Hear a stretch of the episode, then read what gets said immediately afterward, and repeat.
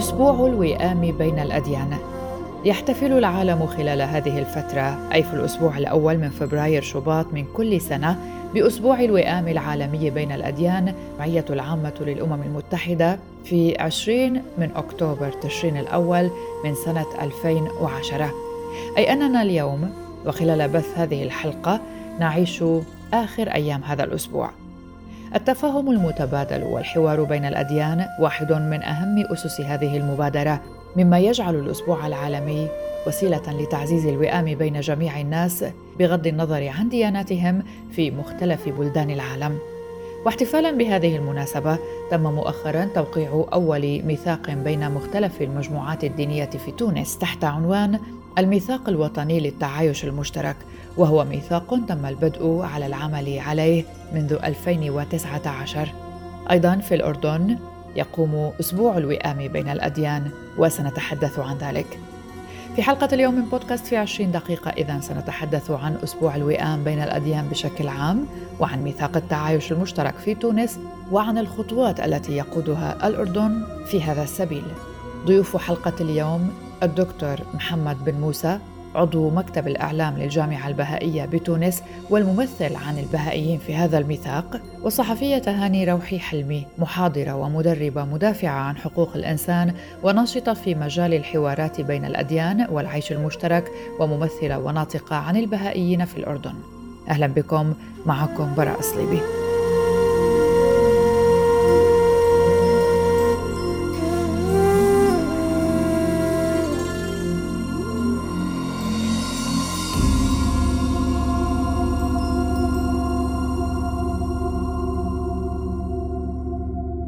أسبوع الوئام العالمي بين الأديان هو حدث سنوي يحتفل به خلال الأسبوع الأول من شهر شباط فبراير ابتداء من عام 2011 وفي عام 2021 شرعنا بالاحتفال باليوم الدولي بالأخوة الإنسانية في الرابع من شباط فبراير من كل عام. وأقرت الجمعية العامة للأمم المتحدة أسبوع الوئام العالمي بين الأديان وأشارت الجمعية العامة في قرارها هذا إلى أن التفاهم المتبادل والحوار بين الأديان يشكلان بعدين هامين من الثقافة العالمية للسلام والوئام بين الأديان مما يجعل الأسبوع العالمي وسيلة لتعزيز الوئام بين جميع الناس بغض النظر عن دياناتهم واعترافا منها بالحاجة الملحة للحوار بين مختلف الأديان ولتعزيز التفاهم والانسجام بين الناس تشجع الجمعية العامة جميع الدول إلى دعم هذا الأسبوع لنشر رسالة الوئام من خلال مساجد وكنائس ومعابد العالم على أساس طوعي وفقا للقناعات والتقاليد الدينية الخاصة بهم. سنبدأ حلقتنا من الأردن وستعرفنا الصحفية تهاني روحي حلمي أكثر عن هذه المبادرة. آه، مبادرة أسبوع الوئام العالمي بين الأديان هي مبادرة أطلقها جلالة الملك عبد الله الثاني ملك الأردن في أكتوبر 2010 وتم تبنيها من قبل الأمم المتحدة وأخذت صدى عالمي يعبر عنه عدة ملامح. فأسبوع الوئام العالمي بين الأديان هو حدث سنوي إذا يحتفل فيه خلال الأسبوع الأول من شهر فبراير من كل عام. المجمعية العامة لما تتناول مثل هذا الموضوع وتأخذه بالإجماع هذا يعني على أنه قرارها كان مبني على أنه التفاهم والتبادل والحوار بين الأديان يشكلان بعدين هامين من الثقافة العالمية للسلام والوئام بين الأديان. مما يجعل هذا الأسبوع العالمي بالنسبة لنا إحنا لأنه هي مبادرة أطلقت عربيا وتبنتها الجمعية الأمم المتحدة عالميا. آه، هذا يعني أنه نجعل هذا الأسبوع هو وسيلة للتذكير ولتعزيز الوئام بين جميع الناس بغض النظر عن دياناتهم. واعترافا من الأمم المتحدة بالحاجة الملحة للحوار بين مختلف الأديان ولتعزيز التفاهم المتبادل والانسجام والتعاون بين الناس فشجعت الجمعية جميع الدول إلى دعم هذا الأسبوع لنشر رسالة الانسجام والوئام سواء من خلال الكنائس المساجد معابد العالم أجمع على أساس طوعي وفقا للقناعات والتقاليد الدينية. ماذا يعني ذلك على أرض الواقع؟ سألنا ضيفتنا. قد يكون إننا مطلوب منا كقادة فكر آه، سواء كنا مؤثرين أو قادة أديان أن نشارك بقدر المستطاع بالحوارات الإيجابية أو البناءه السائدة في مجتمعنا. نتشارك البصائر حول سبل الوصول لرؤية جماعية موحدة حتى نستطيع أن نلج إلى مجتمع مزدهر روحانيا وماديا. مثل هذه الحوارات تساعد الشباب العربي أيضا على تنمية قدراتهم لقراءة مجتمعهم وواقعهم وأن يقوموا بتحليل قوى البناء والهدم بأنفسهم التي تعمل في المجتمع وفي تعزيز الوعي بأفكارهم وأفعالهم مما يشحذ بصيرتهم الروحانية ويعزز انتماءاتهم. لذلك فمن المهم جدا إشراك الشباب في حوارات الأديان وأن لا تكون حوارات جامدة وأن تكون فقط مقتصرة على فئة معينة من الناس. يسعى الأردن إلى نشر قيم التسامح والمحبة بين الأديان من أجل تحقيق الأمن والاستقرار لشعوب العالم انطلاقا من إيمانه بأن قيم المحبة والتسامح وقبول الآخر ونبذ الاختلاف هي التي يجب أن تسود بدلا من إشعال الحروب والقتل والتدمير ونشر سياسة الكراهية والتطرف والعنصرية البغيضة كيف شرحت لنا الصحفية تهاني ذلك؟ انطلاقا من رؤية جلالة الملك عبد الله المتمثلة في إطلاقه لمبادرة أسبوع الوئام بين الأديان في بداية أو الأسبوع الأول من شهر فبراير من كل عام. أيضا هو تلقى عدة جوائز عالمية ومنها أخيرا جائزة تمبلتون العالمية للتعايش الديني. آه، ولهذا أنه نسعى في الأردن على مدار العقد الماضي لأن المبادرة تدخل في عقدها الثاني. وعملنا على مدار العقد الماضي على ترسيم ترسيخ ثقافة العيش المشترك من منطلق أن التعايش لا يمكن اختصاره فقط في التسامح الديني والتقبل الآخر فحسب إنما يتطلب أيضا أن نرى جميع أبناء شعبنا كأعضاء لمجتمع واحد لذا حوارات الأديان أو حوارات العيش المشترك إذا صح التعبير ينبغي أن يكون عملها من أجل هدف واحد وأن نسعى للعيش في سلام ووئام في مجتمع واحد كيف تم التعامل أو تطبيق هذه المبادرة على أرض الواقع؟ تجيبنا ضيفتي الصحفية تهاني روحي حلمي. نحن هنا لا ندعو للتشابه إنما التنوع والاختلاف والتقبل بمعنى التفاعل والتعايش بين الثقافات وتجاورها وتعددها في الفضاء الواحد. هناك تنوع رقمي هائل حتى حوارات الأديان والحوارات التعايش وحوار مع الآخر المختلف انتقلت أيضا إلى المجال الرقمي انتقلت إلى الإنترنت انتقلت إلى وسائل التواصل الاجتماعي وأصبحت هناك عولمة اجتماعية تقوم على مبدأ تحري الحقيقة. بمعنى أن كل فكرة يمكن أن تكون صوابا أو خطأ ومن ثم يجب أن تأخذ حقها في آه، تحرينا عن الحقيقة. وهنا آه، حدود العلاقة مع الآخر تعني ضمنيا التعايش مع احترام الفروق بالنسبة إلى الأفراد والجماعات. فإذا فهمنا حدود هذه العلاقة وهي أيضا تسير نحو التكامل لأننا سنفهم أيضا مكاننا ودورنا في هذا المجتمع. ومن ثم لما نبدأ العلاقة مع الآخر بهذه الطريقة لا يمكن أن تؤدي دورها المنشود إلا إذا تأسست على قاعدة احترام متبادل واحترام كل جانب لوجهة نظره أو لمعتقده حتى وإن لم يقبل به. لأن الهدف ليس هو السعي وراء الاتفاق الكلي إنما هو ربط العلاقات مع الآخر لإثراء الفهم الفكر وترسيخ قيم التسامح واحترام إنسانية الإنسان أيضا. ونبحث مع بعض عن قواسم مشتركة والتي تشكل الركيزة الأساسية للتعاون الفعال بين أبناء المجتمع الواحد. إذا وعينا في بلادنا العربية أحيانا وعينا بإنسانية مشتركة تربطنا مع بعض إنما يعيد النظر إلى حقيقة علاقتنا كشعوب Omam هذا الوعي يعرفنا أيضا بأننا جزء من عائلة إنسانية واحدة هو المعيار الذي نحكم فيه على جهودنا الاجتماعية. وليس أنا من أقلية وأنت من من أغلبية وأنا ديني إبراهيمي وغير إبراهيمي. ونبتدئ في وضع هذه التصنيفات ونضع هذه الحدود التعامل مع الآخر بأننا نحن وهم. نحن أسرة بشرية واحدة لا تتجزأ وهو هذا المعيار الذي نحكم فيه. فهو ليس مجرد طريقة للحديث عن مثاليات. صدقيني هو ليس مجرد شعارات لكن قد يبدو أن الجائحة قربت هذا المفهوم بالفعل وأصبحت أكثر وضوحا اليوم لأن شعوب العالم أصبح أمامها طرق كثيرة لتدرك أنه اعتمادنا كلنا على بعض كل منها على الآخر وتصبح مدركة لوحدتها الحتمية. إذا التنوع في وجهات النظر هو له قيمة جدا عظيمة.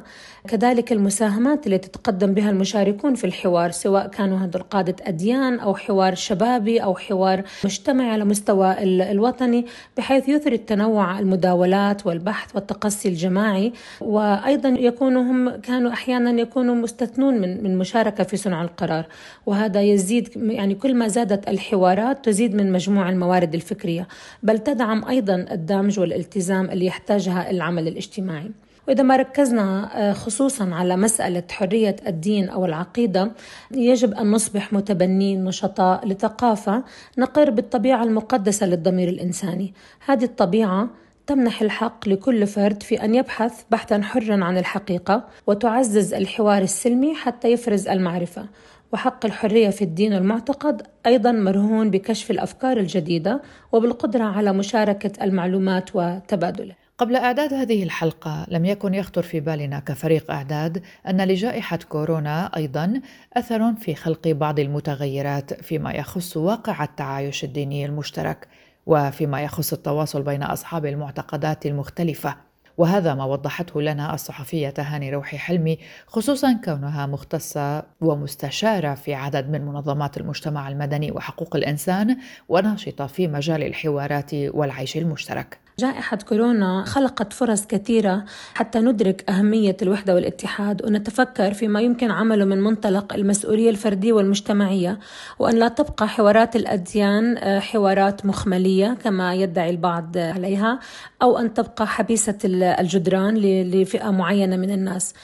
فمثل هذه الظروف الصعبة التي عصفت في البشرية ووضعت الجائحة العالم بأسره أمام تحد خطير غير مسبوق آه، جعلنا أيضا كمان أن نركز على من هذه المعاناة والألم كيف ممكن آه، لحوارات مثل هذه حوارات الأديان أو حوارات العيش المشترك أن تبث الأمل والطمأنينة في النفوس لأن العالم اليوم في أمس الحاجة لمزيد من الأمل وقوة الروح المنبعثة من الإيمان لأنه نحن على يقين بأنه مهما بلغت صعوبة الأمور في الوقت الحاضر وقد تكون يعني شارفت على بلوغ الحدود القصوى لتحمل بعض أجزاء المجتمع لكن أنا متأكدة بأن الإنسانية ستعبر نفق هذه المحنة في نهاية المطاف لتظهر على الجانب الآخر أنها اكتسبت رؤية أوضح وتقديرا أعمق لوحدتنا. يعني لو قعدنا نتكلم سنوات عن المواطنة العالمية لم نكن نراها إلا في هذه الجائحة. فما هو دور رجال الدين منظمات المجتمع المدني الإعلام الناشطين المجتمعين في ترسيخ هذا الأمل في ظل اليأس المستشري في النفوذ؟ كيف يمكن أيضا لرجال الدين أن يحثوا على التكافل الاجتماعي في وقت تلاشت فيه هذه القيم المجتمعية بسبب انشغالاتنا المستمرة؟ وفي وقت تتفاقم فيه الضغوط النفسية جراء الأزمة الصحية التي خلفتها أزمة كورونا. فكرنا أيضا في عمل برنامج إذاعي يبث من راديو مجتمعي. هدفه أن نحث التفكير على موائمة الروح والجسد وسميناه روح وجسد. استضفنا عدة رجال عدد من رجال الدين وشددنا على دورهم في تسليط الضوء على الخصال الأخلاقية المصاحبة لجائحة كورونا. كما أيضا لازم نعترف أنه أنا كإعلامية أنه الإعلام مقصر أيضا في التغطيات الصحفية وأنسنة الأرقام اليومية للإصابات والوفيات. وفشل الإعلام في تحويل القصص الإنسانية وأن يبث الوعي والأمل بدل من الهلع والمبالغة. وكان أكثر يعني كيف ممكن أن نتوجه أيضا بحوارنا مع الكبار السن الذين يشاهدون الأرقام المرعبة عبر التلفاز وكأن الرسائل توجه إليهم بأن هذا الفيروس اللعين لن يقضي على حياتهم بحسب بل يحرمهم أيضا من زيارة ومصافحة الأبناء والأحفاد وحتى الأقرباء وتركوهم وحيدين في المنزل بحجة الخوف عليهم. ناهيك طبعا عن اللاجئين المتواجدين في جميع البلاد العربية وفي جميع بلاد العالم فهم يعانون من قلق مزدوج من حيث قلة الأخبار من أهلهم في بلادهم ولا يعلمون عن تطورات المرض أو هم بعيدون عن بلدانهم. إذا هذه الجائحة استطاعت أن توجه تفكيرنا في أسئلة جوهرية وأن تعيد قولبة حوارات العيش المشترك أن نعيد ترتيب أولوياتنا أن نعيد التفكر في الجوانب القيمية التي نحتاجها في هذه الأزمة مثل التعاضد المجتمعي. ولهذا عقدنا عدة جلسات حوارية مع قادة الأديان القرآن وعقدنا عدة جلسات أدعية من مختلف الكتب الدينية السماوية لنشر ثقافة التفاؤل وهو واجب لكل شخص فلا نستطيع أن نكون متفرجين. فلم يعد هناك نحن وهم لم نعد منفصلين جميعنا في مركب واحد. مصممين أن نخرج من هذه الجائحة أو هذه الأزمة. وقد اكتسبنا وعيا جماعيا بأن ما يحدث في العالم في مواجهة كورونا تجلى في كيف أن العالم بالفعل أصبح قرية واحدة وأن مشاكله مترابطة. إذا أردنا تقييم مبادرة الوئام بين الأديان بعد عشر سنوات من بعثها. هل استطعنا فعلا أن نكون في العيش المشترك أم أننا نحتاج المزيد؟ سألنا الصحفية هاني ماذا بعد هذه المبادرة؟ ماذا بعد؟ بعد أن تشاركنا وتحاورنا عشر سنوات آه، بعد إطلاق هذه المبادرة أسبوع وئام الأديان تحاورت آه، جميع أطياف المجتمع في عدد كبير من العالم إن لم يكن العالم كله. إلا أنه أحيانا الموضوع متشعب جدا من خلال الرصد الذي أقوم به عبر السنوات لموضوع الحوار على وسائل التواصل الاجتماعي لأن حوارات الأديان وحوارات المجتمعية وحوار العيش المشترك أيضا انتقل إلى وسائل التواصل الاجتماعي. ولكنني أرى أحيانا موجات التفاعل على المستوى الشعبي وعلى الوسائل التواصل هذه أصبحت تتمادى أحيانا إنجاز التعبير التفكير لطوائف معينة أو أديان أو لمناسبات دينية مختلفة. وهذا يستدعي وقفه منا لإعادة النظر في طريقة تعاطينا مع مواضيع تخص العقيدة والدين خاصة إن المناهج الدراسية لم تبرز قيمة التنوع وغنى المجتمعات بكافة أطيافه سواء كانت العرقية أو الدينية. ناهيك عن الحرية الكاملة على وسائل التواصل الاجتماعي للحوار فتحت الباب لهكذا نقاشات جدلية. ولكن بالإضافة إلى الأفراد والمؤسسات أيضا تقع على عاتق قادة الأديان مسؤولية كبيرة لمنع الممارسات الإزدرائية. فعليهم أن يرشدوا أتباعهم قولا وفعلا إلى العيش المشترك مع جميع مكونات المجتمع لأن التدابير القانونية أحيانا وحدها لن تكون قادرة على استئصال التعصبات بل هي مسؤولية مجتمعية للمساهمة في أن نخلق ثقافة من الاحترام وتبادل المعرفة لدعم مبادئ البحث المستقل عن الحقيقة. طيب ماذا عن الجهود المبذولة في نشر قيم التسامح والتي يتم الشغل عليها؟ كما ذكرت ضيفتنا لأكثر من عشر سنوات. وما الذي ينقص أو ما الذي نحتاجه على المستوى العلمي؟ عملية نشر قيم التسامح والاعتدال والوسطية هي ليست شعارات إنما هي عملية لها أهداف مثل الاعتراف بالآخر أن نقبله ونتعايش معه وأن نعزز الحوار والتسامح الديني وأن نعمل على تجديد الخطاب الديني وننشر ثقافة الاعتدال. فالهدف من الحوار بين جميع أطياف المجتمع هو أن نرسخ التفاهم والاحترام المتبادل بهدف تعزيز المواطنة المشتركة وقيم الإنسانية التي تجمعنا في كل مجتمع. إذا نحن نحتاج لتعليم يستطيع أن يخلق بعدا أخلاقيا متينا فعلى المدارس أن ترسخ في أذهان الطلاب المواطنة وتعزز مبدأ الوحدة في التنوع والاختلاف وتغرس في نفوسهم تلك المبادئ والقيم الداعية إلى تحسين المجتمع. في المناهج الدراسية عليها أن تعزز أيضا تنوع وغنى المجتمع وأن تنعكس هذه أيضا على مخرجات التعليم كمساواة المرأة والرجل، تمكين المرأة، نبذ التعصبات، اتفاق الدين والعلم، وهي بالمحصلة النهائية ستبني جيلا بأكمله منفتح نحو العيش مع الآخر المختلف، يحترم التعددية، يركز على الفضائل الإنسانية، وهذا أيضا يتطلب الاهتمام بالتعليم المناسب للأطفال، لأنه أمر في غاية الأهمية، نحتاج إلى مناهج تعمل على تشكيل شخصياتهم وفقا للمعايير والأسس السليمة. وتقلل من مخاطر وقوعهم فريسة للقوى الهدامة في المجتمع. وبالتالي سنرى جيلا تساعدهم هذه المناهج على تفاعلهم الجيد مع الآخرين من مختلف الخلفيات والثقافات. إذا نشر هذه الثقافة ثقافة الوئام المحبة هي واجب على كل شخص هي ليست حكرا على فئة معينة. نعم هناك قادة فكر هناك مؤثرين هناك إعلاميين هناك نشطاء وقادة أديان ولكن أيضا هي واجب لكل شخص. لا يمكن أن نكون متفرجين. علي أن أساهم أيضا بنصيبي. وعلي أن أتساءل كيف ممكن أن نرعى بيئات ينمو فيها الأطفال دون ملوثات من شتى أنواع التعصبات. كيف علينا أن نشرك شبابا ملتزمين بإقامة مجتمع قائم على ترسيخ قيمة المواطنة والعدل بصرف النظر عن المعتقد والثقافة والطبقة؟ كيف أن علينا أن نشجع هؤلاء الشباب أن يدخلوا في محادثات جادة في كيفية تحقيق الصلاح الروحاني والرفاه المادي من خلال تطبيقهم لتعاليم دينهم أنفسهم؟ فهو ليس حكرا أيضا هذا الحوار على رجال دين أو غيرهم. أخيرا التدابير القانونية لن تكون قادرة على استئصال التعصبات بل هي مسؤولية مجتمعية للمساهمة في خلق ثقافة من الاحترام. لأن الإنسان عدو ما يجهل فكل شخص يرسم كل واحد صورة نفسه عن الآخر انطلاقا من مخاوفه وشكوكه وأحيانا من من باب الدفاع عن النفس فيرسمها بصورة دفاعية. فبالعكس بدلا أن أرى في الآخر شريكا لي في بناء المجتمع ككل فأنا حقي أيضا كفرد في هذا المجتمع أن أتحرى عن الحقيقة بنفسي. لازلنا بحاجة ماسة لمساع أكثر تأثيرا ومنهجية لنرتقي بهذا الحوار المجتمعي وليشمل طيفا أوسع من أبناء المجتمع لأن الارتقاء بالفكر يؤدي إلى ارتقاء السلوك. فالتجدير ثقافة التسامح وتعميمها هي الوسيلة الوحيدة فقط لتحصين مجتمعنا ومنع الشباب من الانجراف نحو التعصب والإقصاء. كثيرا ما قمنا بندوات افتراضية عبر التواصل الافتراضي نتيجة لهذه الجائحة ولكنها أنا برأيي أيضا أتاحت الفرصة أن نتلاقى مع مفكرين وقادة دينيين ومتنورين من مختلف البلدان.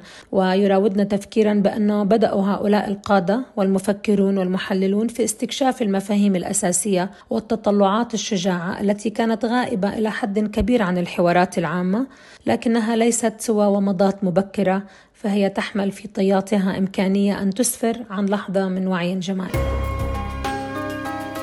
في عشرين دقيقة مع براء صليبي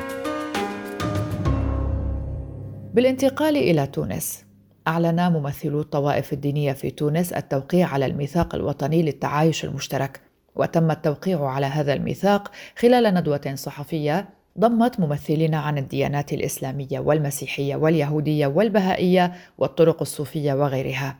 يهدف الميثاق إلى إعطاء صورة بديلة حول الاختلاف الديني بعيدا عن الأحكام المسبقة التي تصور الصراعات بين الأديان وأن التنوع الديني ثراء للمجتمع التونسي وداع لتوحيد الجهود لتحسين حياة الإنسان.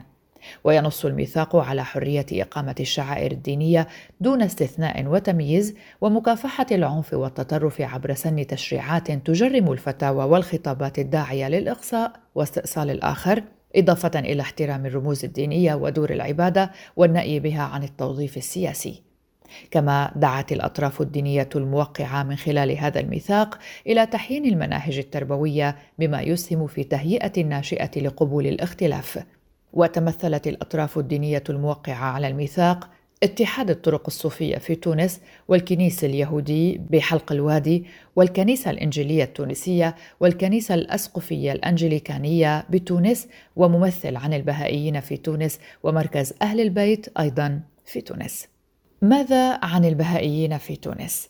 من بين الأطراف الدينية الموقعة على هذا الميثاق ميثاق العيش المشترك في تونس هم البهائيون سألنا ضيفنا الدكتور محمد بن موسى الممثل عنهم عن البهائيين عن ماهية هذا الدين ومدى انتشاره في تونس. في الحقيقة البهائية هي دين عالمي نحن نعتقد أنه بمجيء حضرة باو الله اللي هو رسولنا الذي ولد عام 1817 وأعلن رسالته ببغداد عام 1863 الإنسانية دخلت سن النضج ومرحلة أخرى من مراحل نموها ونضجها واليوم الإنسانية تحتاج إلى آه، وحدة إلى مساواة إلى مواطنة عالمية إلى آه، حلول لمشاكل بيئية.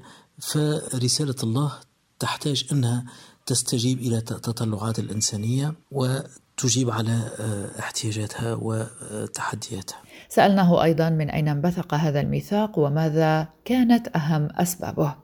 في الحقيقة مشوار هذا الميثاق هو مشوار مر بسنين عمل يعني بين مكونات مثل ما قلت دينية مختلفة واللي كانت تفكر مع بعض البعض تتعلم أن تستمع وتصغي للآخر أن تعرف خوها اليهودي خوها المسيحي خوها الشيعي خوها السني خوها اللاديني خوها البهائي وتعرف وجهات نظر لأنه من أكثر أسباب التعصب هو الجهل بالآخر. من أكثر أسباب الخوف هو الجهل بالآخر وعدم الإصغاء إليه. كيف يرى نفسه؟ كيف يتمثل وجوده؟ ما هي أفكاره؟ ما هي مشاركاته؟ كيف آه، هو جزء أو مكون فعلي من من هذا البلد؟ تاريخ وجوده إلى آخره. فكتتم له المشوار اللي يعني مر لمدة أشهر عدة يعني حتى سنوات خلينا نقول جاء الميثاق تتويج لمداولاتنا تتويج لمداخلاتنا لمحاضراتنا لمشاركاتنا الداخلية والعمومية. اللي أفضت إلى الثمرة الجميلة مثل ما قلت هي لبنة في مشوار آه، التونسي. أنا نعتبرها آه، نقطة تحول فعلية وتذكرني بنقاط أساسية في حركة الإصلاح في تونس. من بينها حركة دحض العبودية في تونس. وأيضا قضية المساواة بين المرأة والرجل عهد الأمان الذي أعطى حقوق المواطنة للمسيحيين واليهود ومن ثم عدم اعتبارهم يعني كأهل ذمة بل مواطنين كاملي الحقوق والواجبات. فاليوم دائرة التعايش أكبر من ذي قبل أكبر من إقحام أو منع العبودية أكبر من المساواة بين المرأة والرجل أكبر من عهد الأمان مثل ما قلت يعطي الحقوق لليهود والمسيحيين كمواطنين. فاليوم الدائرة أصبحت أكبر شملت جميع الطوائف والمكونات الدينية في تونس من بينها البهائيين والتصنيفات البسيطة اللي كانت موجودة في في القرن التاسع عشر والثامن عشر من رجل امرأة سيد عبد آه، مؤمن ذمي أو مسلم ذمي أصبحت لا تفي باحتياجات الإنسانية وبالمواطنة كيف نتطلع كما نتطلع إليها. فاليوم دائرة التعايش والعيش السوي والعيش الجماعي تتطلب إلى أنه أكثر فأكثر من مواطنين توانسة يكونوا في دائرة الضوء ويكونوا شركاء فعليين في عملية البناء. سألنا ضيفنا ما مدى تطبيق هذا الميثاق على أرض الواقع في تونس؟ دخلت الرسالة البهائية إلى تونس سنة 1921 عن طريق مهاجر جاء من مصر آه، اسمه محي الدين الكردي. بعثوا آه، حضرة عبد البهاء ابن حضرة بهاء الله الأكبر. بعثوا برسالة محبة وبغاية تحقيق السلام والوحدة في بلدنا العزيز اللي هي تونس. فمن وقتها يعني آه، عائلات وأفراد استجابت لرسالة حضرة الله والعديد منها شخصيات يعني كان عنده تأثير في الساحة الثقافية في الساحة الفكرية وفي بناء الدولة الحديثة. نخص بالذكر سي مصطفى بوشوش اللي هو كان صديق حميم للزعيم حبيب بورقيبة واللي شاركوا العديد من الأفكار من بينها المساواة بين المرأة والرجل منع تعدد الزوجات إلى آخره العديد من الأفكار والتعليم العمومي وأيضا شخصيات أخرى اللي أسست لفنون وموسيقى تونسية من من بينها ما نعتز به إحنا كتوانسة الفرقة الرشيدية للموسيقى العربية. فأحد المؤسسين هو بالأحسن الشادي أو الشادي بالأحسن أحد المؤسسين الأوائل لهالفرقة الموسيقية وغيرهم من فنانين مثل محي الدين مراد المسرحي المعروف في تونس والأديب إلى آخره. فمنذ ذلك الوقت البهائية انتشرت من الناحية العددية يعني إحنا ما عندناش تعداد معلوم ومعروف لأنه تحتاج اعتراف رسمي باش يكون عندك base de données database يعني تعرف من خلالها يعني المؤمنين المنخرطين في آه، ككل الدول المعاصرة في الحقيقة من فرنسا وأمريكا وإلى آخره. لكن للأسف نتطلع أنه يكون عندنا إن شاء الله في القريب اعتراف رسمي وعندها تكون الإحصائيات موجودة. العديد يقول من الأبحاث تقول أنه عشرات الألاف أبحاث أخرى تقول آلاف أبحاث أخرى تقول أنها أقل من ذلك. في الحقيقة إحنا لا نعرف تحديدا عدد البهائيين الموجودين في تونس. على المستوى العالمي يقال ما بين 8 ملايين و 9 ملايين بهائي.